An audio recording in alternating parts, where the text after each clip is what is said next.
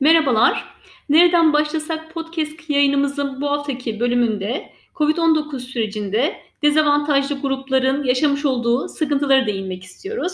Merhaba Orçun. Merhabalar Emine. Nasılsın? Teşekkür ederim. Ee, bugünkü yayın konumuz gerçekten çok önemli. Evet. Ee, çalıştığımız hastane biliyorsun sen de göçmenlerin, mültecilerin, evet. romanların yani farklı kırılgan grupların e, sürekli e, yaşadığı bir bölgede yer evet, alıyor. Evet. Ve e, Covid-19 sürecinde ilgili kırılgan grupların neler yaşadıklarını, e, hangi sorun alanlarına sahip olduklarını yakından gözlemleyen e, sağlık çalışanları olarak bu yayınımızda e, kırılgan grupların e, sorunlarını ve e, bu konudaki yaklaşımlarını anlatmamız, konuşmamız gerçekten önemli. Evet. E, benim e, kırılgan grup dediğim zaman ve yakından gördüğümde mülteciler, göçmenler Hı hı, hı. ilk gözüme çarpan önemli e, grup arasında yer alıyor. Sen Hı ne hı. düşünüyorsun? Evet. Şimdi mülteciler e, biliyorsun İzmir'de e, iyi bir aslında sayıya ulaştılar Evet. konum itibariyle ve İl Göç İdaresi'ne mutlaka kayıt olmak zorunlulukları var.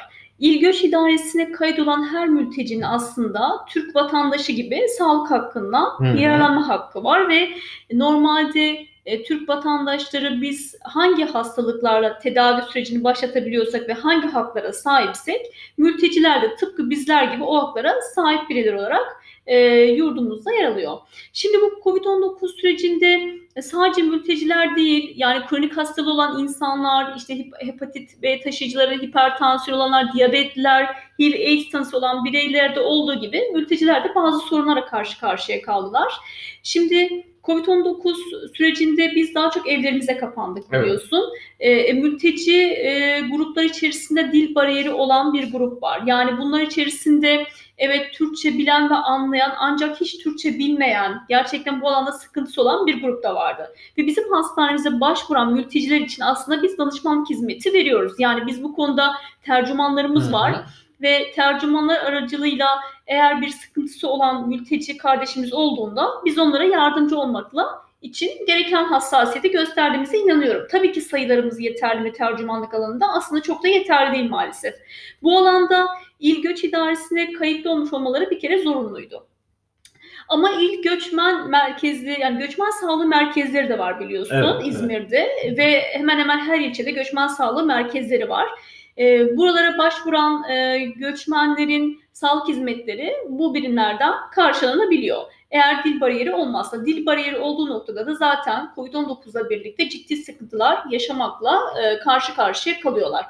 Şimdi mülteciler için eğer e, sağlık hakkı elde edemediyse bu insanlar, Hı hı. yani kayıtlı değillerse, kayıt dışı İzmir'de bulunmuyorlarsa, e, bir de COVID-19 olduysa Tabii. bu kişiler ve ilaçlarını alamadılarsa asıl sorun aslında o zaman başlıyor. Çünkü hem kendileri için sorun oluyor hem de başkalarına bulaş riskini artırdıkları için sorun oluyor. E bir de biliyorsun sosyoekonomik durumları çok düşük olduğu için bu insanlar aynı hane içerisinde 8-10 kişi yaşayabiliyorlar ve bir kişinin bile tanı almış olması diğer e, aile bireylerine bulaş riskini artırmakta. Bu anlamda da onların aslında bilinçlendirilmiş olması gerekiyor, farkındalıkların artırılmış olması gerekiyor. Yani dil bariyer sorunu olan her bireye ulaşılıp belki de değil mi bu e, İl Göç İdaresi tarafından kontrollü bir şekilde COVID-19 sürecinin anlatılmış olması, hastalık hakkında bilgilendirme yapılmış olması ve başlarına COVID-19 ile ilgili bir sıkıntı geldiğini, bir belirti bulgu verdiklerinde nereye başvuracaklarını ya da hangi mercilere başvuracaklarını mutlaka öğrenmiş olmaları gerektiğini düşünüyorum ve bu alanda eksiklik olduğunu düşünüyorum ben açıkçası. Yani bu COVID-19 sürecinde özellikle bu dille ilgili sıkıntılarından kaynaklı e, ciddi bir sorun yaşadığını düşünüyorum mültecilerin. Evet. Çok güzel. Hı hı. Ee, ben de aynı sorun alanlarına sahip olduğumu düşünüyorum. Özellikle dil e, erişiminin olmaması Hı hı. e, mültecilerin, göçmenlerin e, sağlık hakkına erişimlerinde önemli sıkıntı Evet, kaynağı maalesef. olduğunu Hı hı. düşünüyorum. E, ikinci olarak senin de yakından e, çalıştığın, e, özellikle yüksek lisans tezini bu alanda Evet. yazdığını biliyorum. HIV/AIDS tanısı alan bireyler de e, önemli e, sorun alanlarıyla karşı karşıya kaldı bu süreçte. Evet. E, sen e, bu konu hakkında ne söyleyebilirsin? Şimdi HIV/AIDS e, ciddi anlamda e, zaten kendisi de pandemilere yol açan bir durum olduğu için gerçekten küresel bir kriz Evet, olarak evet. karşımıza çıkabileceği bir durum olduğu için önemsenmesi gereken bir durum pandemide. Neden? HIV-AIDS e, bir kere bağışıklık sistemini düşüren, gerçekten hastalarda sekonder enfeksiyonların gelişmesine yol açan e, bir etken, virüs. Biz eğer bu virüse e, çare olamazsak, yani hasta tedavi olamazsa AIDS'e yol açabileceğini biliyoruz. Kaldı ki bir de eğer COVID-19'la tanışsa bu hasta ve ilaçlarını da almıyorsa AIDS'e yol açma olasılığı daha da artmış oluyor. Eğer e, HIV'li birey bu süre içerisinde hastaneye başvurabiliyorsa ve antiretroviral ilacına ulaşabiliyorsa e, şöyle bir şey var aslında bilimsel bir kanıt bu. Antiretroviral ilacın içerisindeki etken maddeler aslında COVID-19 virüsüne karşı da koruyor. Dolayısıyla bireylerin hastaneye ulaşmış olması, tanı almış olması ve tedavilerini gerçekleştirmiş olmaları onları hem COVID-19'dan koruyabilecek hem de AIDS'e yol açmalarına engel olacak bir durum olarak karşımıza çıkmakta. Ancak ne yazık ki polikliniklerin kapalı olmuş olması, özellikle COVID döneminde sadece acil hastaların başvuru mekanizmalarına açık olmuş olması bir süre boyunca biliyorsun polikliniklerimiz bizim kapalıydı evet, evet. ve çok az sayıda hastaya hizmet verebiliyorduk.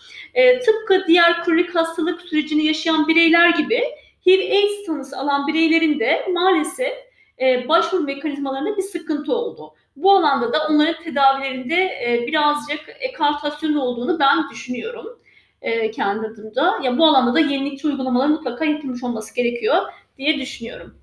Ee, pandemi döneminde haklara erişim noktasında sınırlı olan diğer bir e, dezavantajlı grup olarak engelli hı hı. bireyleri e, söyleyebiliriz. E, sen e, sağlık çalışanı olarak süreç içerisinde engelli bireylerin yaşamış oldukları e, sorunları nasıl değerlendiriyorsun? Evet.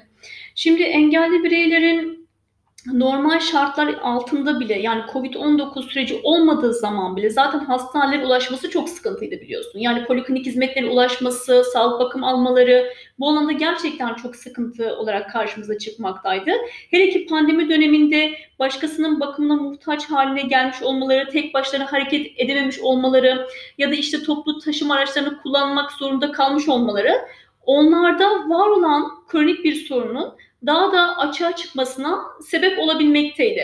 Bu anlamda da e, engelli bireyler COVID-19 sürecinde bence e, ciddi anlamda sorun yaşayan dezavantajlı gruplar içerisinde yer almakta. E, yani çok sorun yaşadıklarını düşünüyorum ben. Yani onlarla mutlaka görüşülmesi gerekiyor ve sağ araştırmasının yapılmış olması gerektiğini düşünüyorum diye ifade edebilirim. Evet. Gerçekten bütüncül bir yaklaşım ile baktığımız zaman Covid-19 süreci e, hemen hemen bütün kırılgan evet. grupları olumsuz bir şekilde etkilediğini hı hı. görebiliyoruz. Evet. Senin de, de anlattıklarından dolayı. E, son olarak e, bu Covid-19 sürecinde cinsel sağlık ve üreme sağlığı hakkına erişimi nasıl değerlendiriyorsun? Hı hı. Şimdi e, COVID-19 sürecinde üreme sağlığı hizmetlerinde biraz aksamalar olduğunu düşünüyorum ben. Çünkü e, kadın doğum alanında özellikle kadın doğum polikliniklerine, jinekoloji, jinekoloji polikliniklerine de girişler kısıtlandığı için ve bizim belli bir kotamız olduğu için her bireyin kolaylıkla ulaşabileceğini zannetmiyorum ki biz zaten bir kota sınırlık olduğumuz için herkes de çok ciddi bir sorunu, bir enfeksiyonu ya da bir gerçekten aşılması gereken bir durum olmadığı sürece biz hasta kabulü yapmıyorduk. E bu bir yıldan da uzun bir süre olarak karşımıza çıktığı noktada üreme sağlığı hizmetlerinde ciddi sıkıntılar olduğunu ifade edebilirim. Yani ben e, bu yayınımızı gerçekten önemli görüyorum. E, ilk başta da e, bahsettiğim üzere. Çünkü COVID-19 sürecinin e, her zaman da vurguladığımız gibi toplumsal bir sorun olduğunu ve e, COVID-19 ile birlikte yaratılan e, etkinin e, uzun yıllar e, insan e, sağlığı ve ekosistem üzerinde de e, bazı yansımaların olabileceğini düşünüyorum. E, konumuz güzeldi. Evet. E, özellikle bundan sonra yine e, nasıl pandemide kadın sağlık çalışanı ile ilgili konularla konuştuğumuz üzere karar vericilere önemli roller düşüyorsa bütün e, kırılgan grupları ilgilendiren konularda da karar vericilerin pandeminin getirmiş olduğu şartlara, e, olaylara ve durumlara yönelik yeniden bir politika revizyonunun yapılmasını e, öneriyorum evet. gerekliliği üzerine. E, söylemek isterim. Evet.